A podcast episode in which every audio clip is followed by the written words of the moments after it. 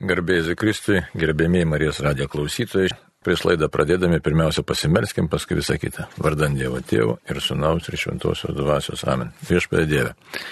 Tu pašaukė mus gyventi, davė gyvenimą kaip ir dovaną, ir uždavinį, ir kelią pas tave. Nelengvas tas kelias žmogaus, šventosios Korejos kankinius. Tu taip įkvėpė drąsų ryštą jiems, iš tikrųjų, kad jie nebijoja savo gyvybės kainą paliudyti tikėjimą, paliudyti tikėjimą prisikėlimu, Dievo gerumu, Dievo meilę. Neišsigando, nepabūgo kankinimu, grasinimu, mirties. Taigi labai prašom, siūskir į mūsų širdis šventą dvasę, į mūsų protus, kad pamiltume Dievą, pažintume Dievą, tave, atrastume save kaip mylimus Dievo vaikus, per kuriuos tu keiti pasaulį ir kuriuos tu vedi pas save trauk mus iš visų tamsybių, kurios mums grėsia ir vesk jam žinai šviesą, kur tu vienas trybė Dievi gyveni ir viešpatoj per amžius. Amen. Taigi, norėtųsi šiandien pakalbėti tokiam rimtom temom, katekizminėm temom, dabar kodėl toj pasakysiu. Taip žiūrim, iš tikrųjų reiktų ir reikia kalbėti apie, labai daug kalbėti iš tikrųjų apie laisvę, apie pašaukimą žmogaus, nes tie dalykai labai tam prisusiję, apie gyvenimo prasme, Juolab, kad mūsų laikmečių labai reikalinga. Ir dabar kodėl reikalinga? Todėl, kad tų laisvių įvairių paplito, bet ką mes matome. Daug žmonių susirūpinusių įvairiais dalykais, gerbuvių, daug žmonių, kurie besiskundžia, kad štai kažkas mano gyvenime ne taip, kažkas vyksta, ne, netrodo, kad nesiseka, neretai žmonės ir kreipiasi ir pas kunigus, ir pas įvairius specialistus, ir nespecialistus, ir pas visokius net ir šarlatanus, ir sako, man kažkas netaip gyvenime, kažkas nesiseka. Kažkas nevatai mane prakeikė ir dar tie šarlatanai pantrina, taip taip prakeikė, tada žmogus dar pinigus išleidžia neva prakeikimui kažkokiam pašalinti, ar kaip sako liaudis, nuimti. Nu, žodžiu, pasineria tokiai kažkokiai tai na, neiškioj mąstymo migloj, galim tai pavadinti. Dar su kuo susidurėm, daug šeimų, tikrai nemažai šeimų kenčia nuo vienokios ar kitokios vieno ar kitos mens priklausomybės. Kas priklauso nuo interneto, kas priklauso nuo alkoholio, kas nuo narkotikų, lošimų, pornografijos. Ir tai visa vyksta šeimose. Žiūrėkit, jaunos šeimos, atrodo, kaip viskas ir būtų gerai, bet ar vienas, ar antras, ar, ar vyras, ar moteris, tai, pavyzdžiui, iškyla, čia labai konkretus dalykai, kad štai iškyla e, priklausomybė nuo pornografijos, nuo masturbacijos ir toks nevaldomas dalykas, kad štai atrodytų logiškai imant, e, turi vyras žmoną, žmona turi vyrą ir mes šventą raštą atsiverčiam ir kas ten parašyta, kad štai e, turi pareigą viens kitam, nes apaštalas Paulius ką sako, neturi galios ir valios savo kūnui pats, bet jeigu vyro atveju tai žmona tau turi galę, tavo kūnui, o moteris neturi irgi savo valios ir galios savo kūnui, bet vyras. Na, ir tas paskui bažnyčios mokyme aiškiai įvardinta kaip. Kas tai yra, kad privalai, net jeigu žiūrėsim kanonų teisę, tai senesnė kanonų teisė iš vis taip gana griežtai apibrėždavo, kad privalai atlikti su toktinių pareigas. Tai atrodytų, kodėl dabar aš kalbu, štai kad tai paplitęs dabar mo, toks varginantis elementas, Taigi atrodytų, kad vyras turi žmoną, žmona vyrą ir gali ir mylėti viens kitą, ir aistras užgesinti dėja. Neretai būtent bendram sugyvenimui trūdo tokia priklausomybė kaip pornografija ir masturbacija. Ir kitas asmo toje santokoje jaučiasi pažemintas, nereikalingas, nu, jaučiasi nemaloniai švelniai sakant. Tai va. Jau nekalba apie alkoholį, narkotikus, lošimus, aiškiai, tai daug tokių dalykų. Tikrai nemažai ir nemažai gražių šeimų atrodo galėtų būti tikrai gražios šeimos, tačiau dėl tų priežasčių, sakysim, ar ten lošimas, ar alkoholis, ar mano minėtas priklausomybė pornografijai, sukelia įtampas ir tai suprantama, ir dinksta šeimoje vienybė, ir atsiranda pykščiai, nesutarimas ir dinksta tarpusavio laimė. Tai čia tik tai kokta tokia užvedžiau tokia kaip iliustracija, reiškia, kas vyksta. Dabar, kodėl tai vyksta? Ne? Tai gali būti žmogus ir vienas, jisai neranda savęs, neranda savo tapatybės, arba ieškodamas savęs nueina įvairiausius kelius, keliais nueina. Žiūrėkit, e, Virkiš sako, išbandžiau tą ir aną, trečią ir ketvirtą, ir žolę rūkiau, ir narkotikus ten ir atleidausi, ir, ir ruoščiau, tai čia vėlgi toks negatyvus pavyzdys. Ne? Žodžiu, atsiranda tokių ieškojimo kelių, kurie ima ir greuna žmogaus tapatybę žmogaus esmę, jį patį greuna. Tai todėl kvieščiau dabar pasižiūrėti katekizmą, čia paskaitysiu, ne? Būtent yra skirsnis 1730 numeris ir sekantis numeriai kalba apie žmogaus laisvę. Tai laisvė labai toks labai reikalingas dalykas ir su kuo jinai susijusi, mes trokštam tos laisvės, vaikas jau žiūrėkit, augdamas jis nori jau iš pradžių priklausomas nuo tėvų, o paskui jau nori išsilaisvinti ir tapti laisvas ir apspręsti pat savo elgesį, savo likimą. Nu, praeina įvairių etapų. Paauglystės etapas, aiškiai, suaugusio žmogaus jau kitaip ta laisvė suprantama yra. Taip, kad e, laisvė, e, kita vertus laisvė susijus tiesiog su, tiesiogiai su žmogaus savirealizacija. Ir laisvė yra susijus su moralumu arba nemoralumu, taip kad laisvė, kaip Karlas Raneris sakydavo, yra esminė žmogaus egzistencijos sąlyga. Tai, va, tai yra Dievo dovana. Taigi pažiūrėkime tekstą katekizmo, paskui visą kitą. Dievas sukūrė žmogų kaip protingą būtybę, apdovanodamas ją savo iniciatyvą veikiančio ir už, save, už savo veiksmus atsakingo asmens kilnumu. Juk Dievas norėjo palikti žmogų savo paties išminčiai. Čia yra Sido knygos 15 skyrius 14 eilutė, šis yra šventas raštas. Įdantis pats ieškotų kurėjo ir laisvai jo laikydamasis pasiektų visišką tobulumą bei tobulą laimę. Žmogus yra protingas ir tuo panašus į Dievą, sukurtas laisvas ir atsakingas už savo veiksmus. Tai va taip, kad čia yra, yra švento Irenijos Lioniečio prieš erezijas veikalo citata buvo pateikta. Taigi laisvė. Bet tą laisvę mes žinom, kad ją galima suprasti įvairiai, suprasti kaip norą daryti, ką noriu. Tai vienas momentas, dabar daug kas supranta laisvę kaip neturėti jokių įsipareigojimų. Na ir tai irgi padaro mums e, tam tikrą, sukelia tam tikrų problemų. Dar pasižiūrėkime apie laisvę ir atsakomybę, dar vieną numerėlį ir paskui tam tikrų aspektų mes apie tą laisvę pašnekėsime, kas ją greuna ir kas ją e, riboja. Taip, 1731 numeris sako, laisvė yra prote ir valioje besišakninti gale veikti ar neveikti, daryti vieną ar kitą, kitaip sakant, sąmoningai veikti. Turėdamas laisvą valią, kiekvienas atsako už save. Žmogaus laisvė yra jėga, ugdanti ir brandinanti jame tiesą ir gėrį. Laisvė tampa tobula, kai lygiuojasi į Dievą, kuris yra mūsų palaima. Štai čia esmė būtų, ne? Laisvė tampa tobula, kai lygiuojasi į Dievą, kuris yra mūsų palaima. Tai tie visi mūsų ieškojimai, kažkokios tai ypatingos būsenos, džiaugsmo, išsilaisvinimo, tiesiog to, tokio savarankiškumo, autentiškumo, tai iš tikrųjų yra žmogaus, tiesiog ta turima gale, žmogaus pašaukimas būti tikrai savimi, būti tokiu, kokį išskirtiniu, iš tikrųjų reikia nebijoti to žodžio, būti išskirtiniu, bet būti tokiu, kokį mane Dievas sukūrė. Tai, tai ta laisvė, jinai tampa tikrąją laisvę. Bet jinai tampa tikrąją, kai mes lygiuojamės į Dievą. Čia gražiai pasakyta, čia, aiškiai, čia bažnyčios mokymas. Tai dabar e, dar kitas momentas, kad laisvė, tai e, tiesiog, kadangi susijusi su Dievu, tai reikia pastovi apsispręsti už Dievą. Ką reiškia apsispręsti už Dievą? Tai apsispręsti už Dievą, tai tiesiog visą laiką savęs klausti, ko vertas mano elgesys, ko vertas mano mąstymas, verti mano keliai gyvenimiški, ko verti mano pasirinkimai ir taip toliau. Tai dabar čia turim tokią problemą labai rimtą mūsų laikmečio. Matai, mokėsi mokyklai? Mokiausi, aišku. Na ir ką ten mokino mokyklai? Aišku, čia kol jis atsakys, daug dalykų mokino, ne? Tai aišku, daug viską mokino. O kuri disciplina buvo, kuri mokino mąstyti, kurią galėtume pavadinti tai... mąstymo mokykla? Mokyklai gal pedagogika tokia labiau yra į, tiks, į tikslius mokslus, į biologijas visokias, į...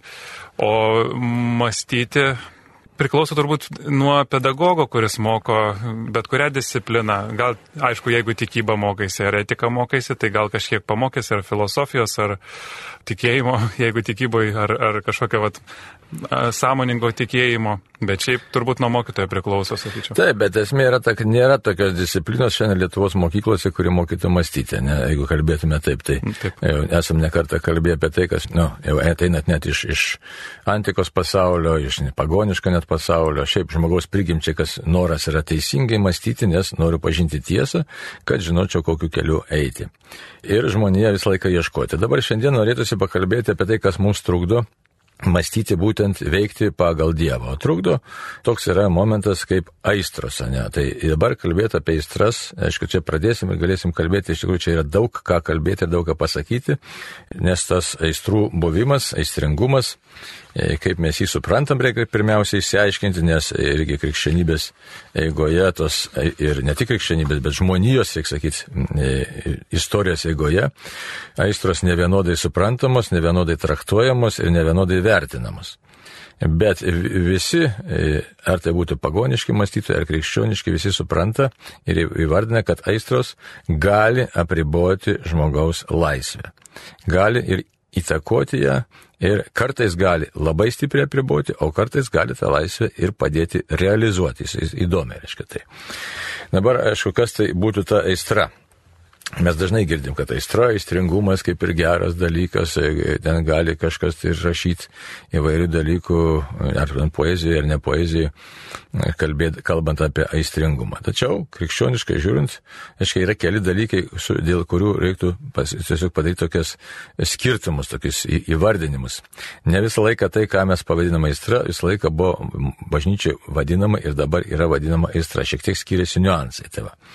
E, tai dabar galėtume žiūrėti, kad yra taip. E, kas pati aistra yra, kartais aistra mes sutapatinam su įda.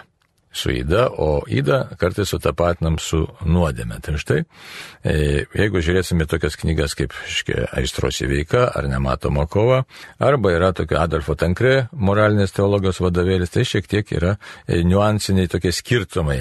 Tai, ką mes vadinam aistra, savo supratimu ir e, be tokių liaudiškų supratimų ir ką bažnyčia vadina, tai yra tam tikri skirtumo dalykai. Dabar e, e, ką galėtume pasakyti apie aistrą, kad, aiškiai, aistra, jinai atsirado, tiksliau, yra kaip, kaip Dievo įdėktas tam, tikras, tam tikra jėga žmoguje, jėga, kuri nu, kviečia žmogų kažką tai tiesiog nu, verda viduj, kažką tai kviečia daryti, uždega jį.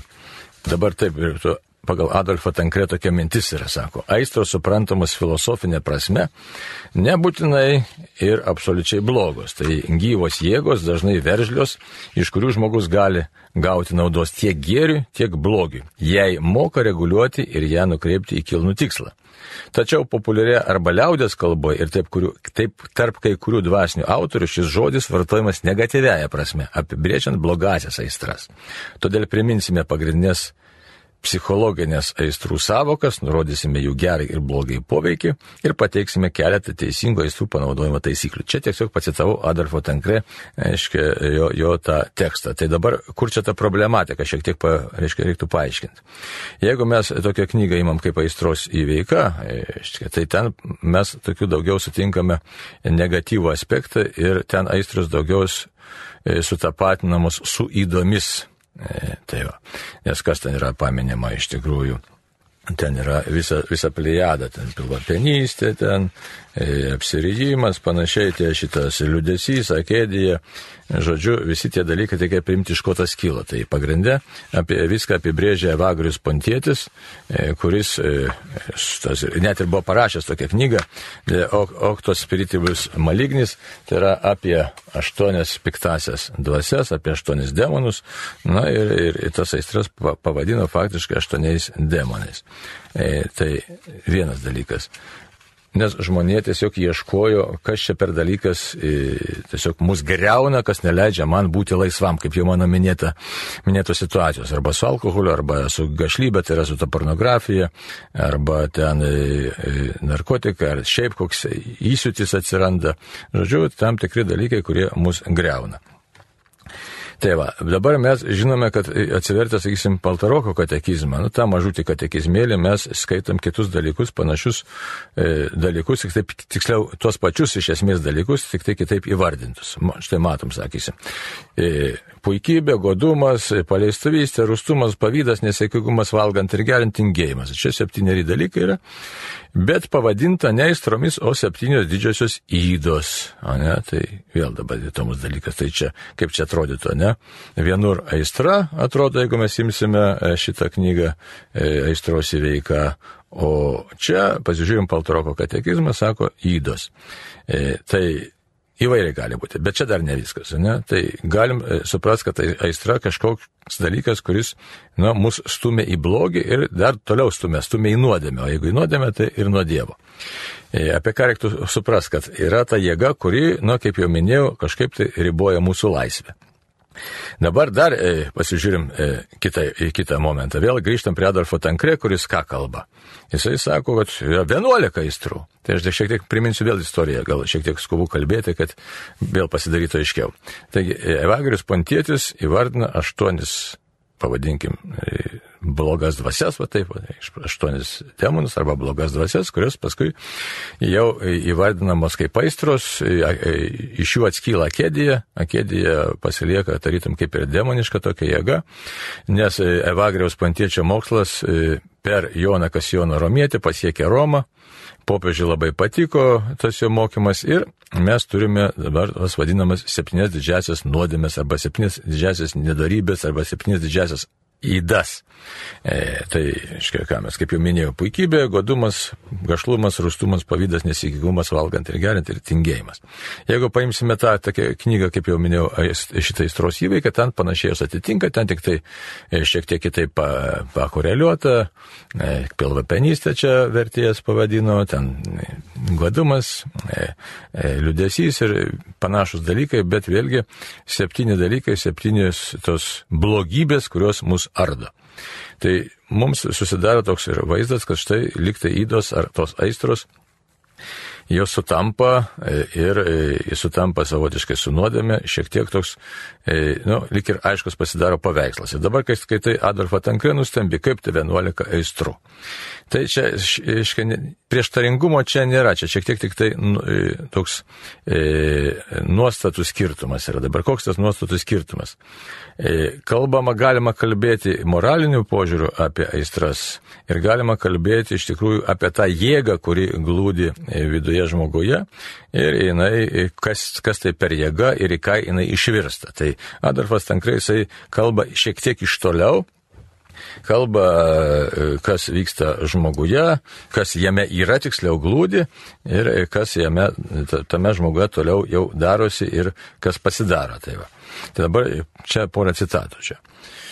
Apibrieštis tokia aiškiai, Adolfo Tenkre yra. Jis, jis irgi kataliko e, bažnyčios, aiškiai, iš tikrųjų pripažintas tas mokymas ir tik taip kaip ir paaiškinantis toks. Aistros tai veržlus jūslinio troškimo judesiai, e, judantis jūslinio gėrio link, turintis daugiau ar mažiau stiprų poveikį organizmui. Tai va, tai čia yra, štai yra, kad tiesiog verslus, veržlus kažkokia tai judesė, judėjimas e, ir e, žmogus tiesiog e, jame yra tos aistrus, jos tvarkingos ar netvarkingos, čia dar kol kas nekalbam apie tai, kad ten nuodėmės į, iškia, iškreiptas ta prigimtis ir na, tos, nu, tie judesiai pasidaro netvarkingi, jie jau čia yra vėlesnis dalykas. Ir tada mes galim kalbėti, galim kalbėti būtent apie tas aistras, kurias kurias ir įvardina kaip jau septynės mums žinomas, plus akedija. Tai. O šiaip pasirodo, žmogaus prigimtyje yra tas aistringumas, yra jėga, dar galim tai pasakyti, tai stipri jėga ir ta jėga daro žmogų, nu, tokį gebantį kažko tai siekti e, arba vengti. Bet kadangi nuodėmė paveikia žmogų, tai būtent ta jėga glūdinti žmoguje gali ir iškrypti ir tas ir vyksta, tada jau mes patenkame į tą sampratą, kurią pateikia Evagrius Pontėtis, kurią pateikia paskui popiežius ir pateikia ir Paltaroko katekizmas. Tai dabar pasižiūrėkim, e, kodėl e, Tankrė kalba apie, apie šitą tas 11 aistrų, tai pasakysiu. Įdomybė yra ta, kad e, šiaip labai įdomu, nes jeigu žiūrėsim ir apie aistrų atsiradimo priežastis tokiu blogąją prasme, tai e, arba neutraliąją prasme, arba gerąją net prasme, tai atsakymą dvasinio autorių iš esmės rasime panašų. Visi sakys, vieni sako, kad štai aistros atsiranda dėl to, kad e, veikia savimėlė, bet dar giliau žiūrint, aistros atsiranda tiesiog kodėl, kad jos yra sąlytė su meilė meilė, įsivaizduoju. Labai įdomus dalykas, ne? nes mes pripratę žiūrėti aistras kaip kažkokį tai negerą dalyką. Štai staiga autoriai sako, kad štai sąlytė su meilė jos ir atsiranda. Ne tik, kad jos atsiranda sąlytė su meilė, jos iš meilės kyla ir į meilę veda, įsivaizduoju. Aš, bet čia stop ramiai, čia tai, kurie gali galvoti, kad vo, dabar labai geras dalykas aistras, tai čia ne visai taip yra. Tai tai pasižiūrėsime, kaip čia yra iš tikrųjų. Tai, va, tai pasižiūrėkime dabar apie tą aistrų skaičių. Ne? Taip. Jų skaičius, tai paprastai kai suskaičiuojama 11 aistrų, kurios kaip geriausia apibrėžia Bosets, toks autorius, o ne irgi dvasinis rašytas, visos kyla iš meilės. Aš tik tą tekstą skaičiau, nu gal kaip tai iš meilės. Dabar pyktis iš meilės, ne, pasibjaurėjimas iš meilės, įžulumas iš meilės. O čia tai paskaitysim, pasižiūrėsim, ne. Tai va. Taip, jie vardina pirmą, pirmoji kokia, reiškia, Sako šitai, visos kyla iš meilės, kitos mūsų aistros nurodo į meilę, kurio jos egzistuoja ir kuri jas pažadina. Įsivaizduot, meilė pažadina aistras. Įdomus dalykas. Tai sakau, čia už tai tema nėra paprasta ir lengva, bet e, verta ją pasigilinti. Taigi, apie pirm, pirmoji kokia aistra. Meilė yra aistra, pažadinti siekį susijungti su kitu asmeniu ar trokštamu daiktu, kuris patinka. Mes siekiame jį turėti. Įsivaizduot, čia gana paprasta ir aišku, ne, meilė, matai, turi žmoną, ne, kodėl pasirinkai už tai, kad norėjai susijungti su ją, iš tikrųjų, iš tikrųjų turėti ją ir būti kartu, tai va, tai čia kaip ir labai aišku, ne, ir dabar ar tame blogis ar geris. Čia, sakysime, čia iš esmės čia galėtume kalbėti apie gerę, ne. Toliau, neapykanta. Neapykanta yra aistra siekianti atitolinti mūsų asmenį, nuo mūsų asmenį ar dalyką, kuris mums nepatinka. Jis labai įdomi neapykanta, ne? atitolinti asmenį ar dalyką, kuris mums nepatinka. Kyla iš meilės ta prasme, jog nepakenčiame to, kas priešinga tam, ką mes mylime. Nejauščia kaip ir pavyzdys pateikimas. Nejauščia neapykantos lygai, jeigu man nepatiktų sveikata. Nejausčiau neapykantos kokiam nors asmeniai, jeigu jis nebūtų kliūtimi mano meilės kelyje. Ar netrukdytų man pasiekti geidžiamo objekto. Tai štai neapykanta, įsivaizduot. Kas neapykanta, neapykanta, tai paprastai pasakus, tai yra tiesiog, na, gal galėtume sakyti, nu, teisėtas ar neteisėtas pyktis čia negalim tiesiog e, mąstyti, bet tiesiog nepasitenkinimas, kad štai atsirado kliūtis pasiekti gėrį arba atsirado e, kliūtis, kuri trukdo išvengti blogio. Neapykanta. Bet labiau čia reiktų kalbėti apie gėrio pasiekimą. Ne? Toliau. Troškimas yra geismas, ne? Geismas ir gėris. Dabar koks bet čia yra? Yra trūkstamo gėrio paieška. Kyla iš meilės, kurie yra mumise tam gėri kodėl aš geidžiu kažko ten, nesakysim. Žmogus gali, aišku, kai geismas žodį pasakom, tai pirmiausia turbūt iškyla kas, turbūt pirmiausia santykiai tarp vyru ir moters iškyla. Bet nebūtinai gali būti ir įvairių geismų gali būti, čia žinai, tas gali būti šiaip, bet čia filosofiškai kalba apskritai apie, apie tai, kad trūkstamo gėrio. Bet kokiu dar matai galėtų būti geismų, aš dabar galvoju, ką galim geisti? Trokšti. Žmogus, nu. Turto, kokiu galim valdžios trokšti. Galių, ne. Visokių galių. Žinių. O, tiksliai, žinių net gali būti geismų. Žinių. Ja. Tai va, toliau, pasibjaurėjimas arba pasišlikštėjimas, arba čia tiesiog nu, įvardinimas čia to paties, to, to, tos pačios aistros, reiškia, pasibjaurėjimas, pasišlikštėjimas arba vengimas, pasitraukimas, pabėgimas. Tai yra gale, kuri padeda išsisukti nuo artėjančių problemų, nuo artėjančių bėdų. Nuo grėsinčių, va, įsivaizduot, štai pasišlikštėjimas, kažkas man nemalonaus, nu, aišku, labai taip nemaloniai skamba pasišlikštėjimas, bet taip pat parašyta. Gerai, linksmumas. Kas yra linksmumas? Ne? Tai yra malonumo potyris besidžiaugiant esamų gėrių. Nu, Škai linksmumas čia nėra toks, sakysim, pasidžiaugimasis, bet tiesiog linksmumas iš kažko jisai kyla. Kai linksmumas kaip aistra kyla. Esu linksmas, čia kažkas mane pažadino tam tokiam linksmumui. Tai, tai yra potyris, malonumo potyris ir jisai pažadina viduje tam tikrą e, būseną. Tai liūdėsys.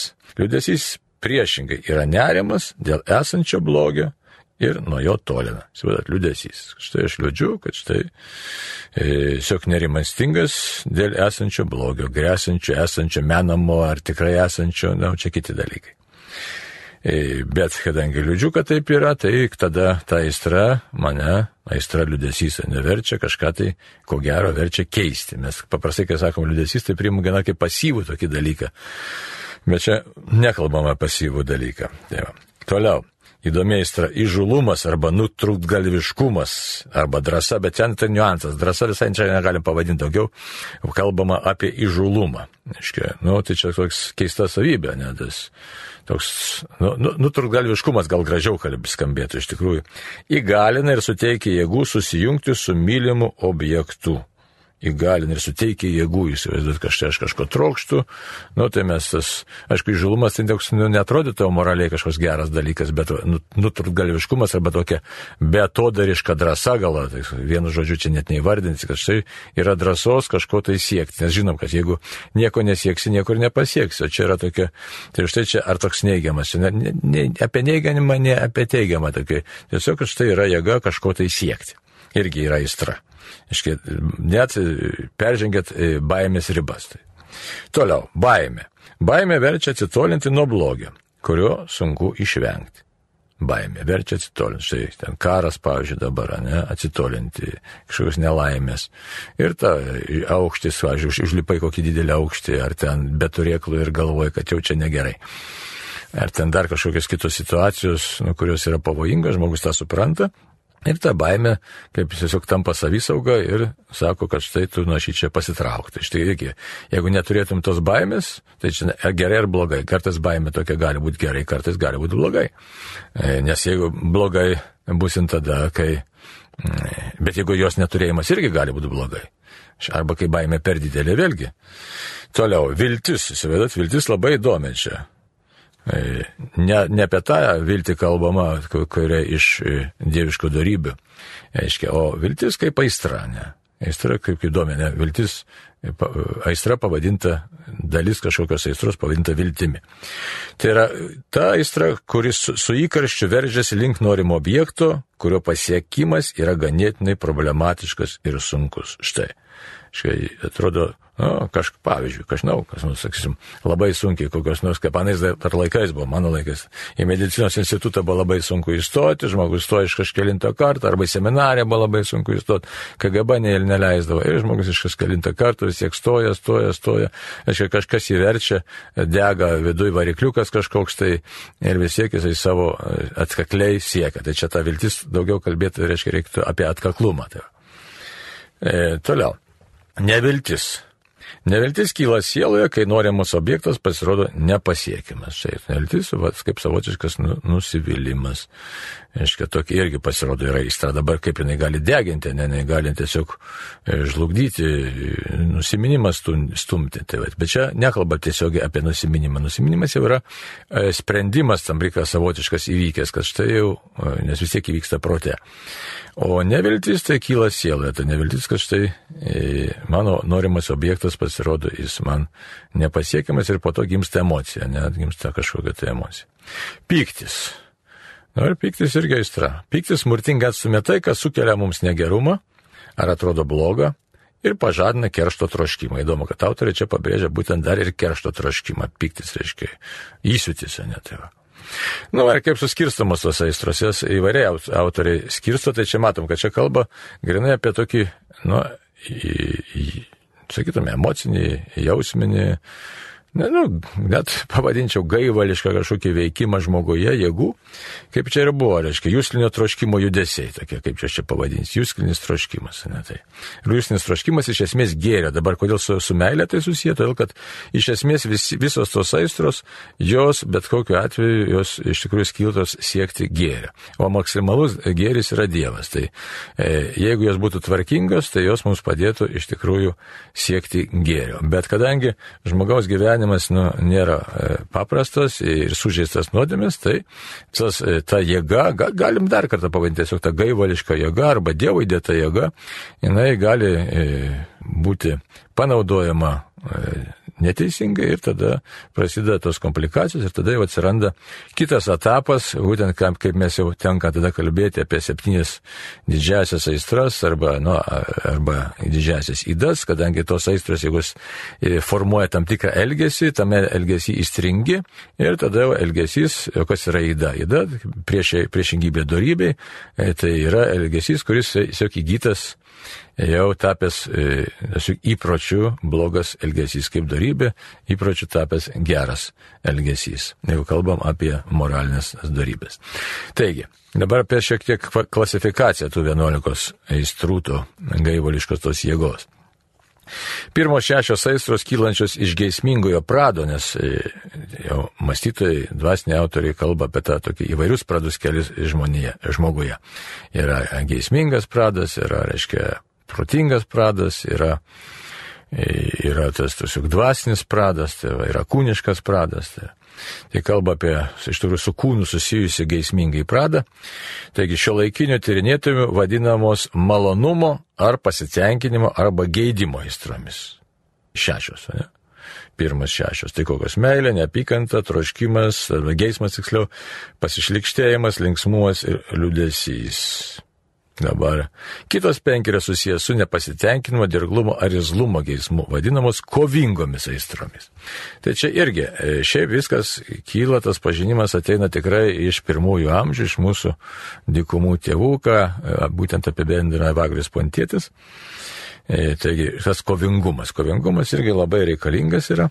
Na ir dabar, kaip istorijos bėgė, sakysim, buvo vertinamos aistros, tai nebuvo jos vienareikšmiškai vertinamos ir dabar nėra vienareikšmiškai vertinamos tas e, pradas mumise esantis, tai vėlgi Adolfas Tankre kaip Tiesiog primena, sako, stoikai norėjo įrodyti, jog visos aistros radikaliai yra blogos ir turi būti nus, nuslopintos. Čia skiriasi nuo krikščionybės stoi, stoicizmas, kas domisi filosofija, stoiko mokymą, žino, šiaip labai, nu, įspūdingas, toks labai e, gražus, man tai patiktų tikrai, aišku, bet čia ne, ne nuo manęs priklauso, žinai, bet tai yra mokymas, kaip žmogui tapti dorybingu, kaip jam save apvaldyti, kaip iš tikrųjų pasiekti laisvę, tai yra, kad žmogus taptų savęs viršininkas, savęs valdovu. Tai atstoikai sako, kad visos aistros radikaliai blogos ir turi būti nuslapintos. Taip teikia Adolfas Tankrė.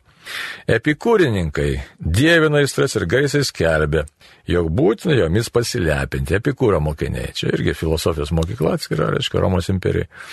E, tai va, tai dievina įsivaizduojat ir ten, e, kokie ten jų garsus šūkiai net tai buvo. Tai, tai kad iš tikrųjų pasinaudok momentu, ne, kad e, e, tiesiog jau gali valgyti, pavalgyk, jie savo visiškai pritaikė viską.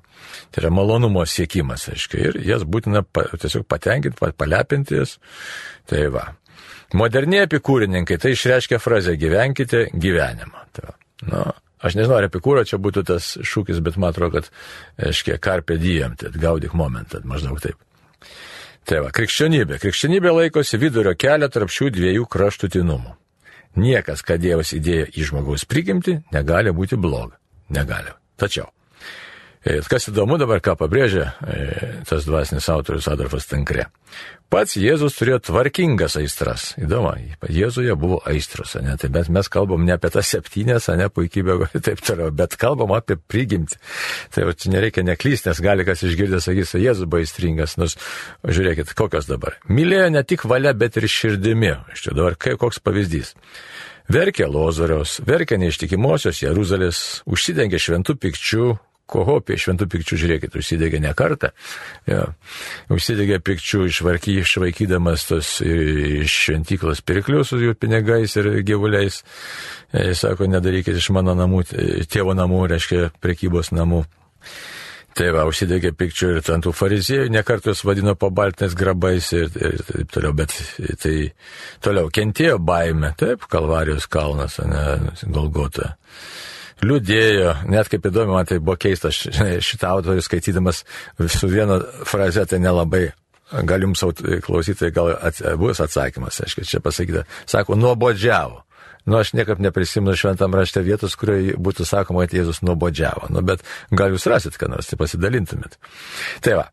Toliau, e, dar primenu to Adolfo Tankretiksliau pateikiu e, mintis, sako, jis mokėjo šias aitras pajungti Savo valiai ir Dievo valiai. Tai va, savo valiai ir Dievo valia, o kadangi Jėzus valios tobulai sutapo su Dievo valia, tai iškart galim sakyti, kad Jėzus jas pajungia Dievo valiai.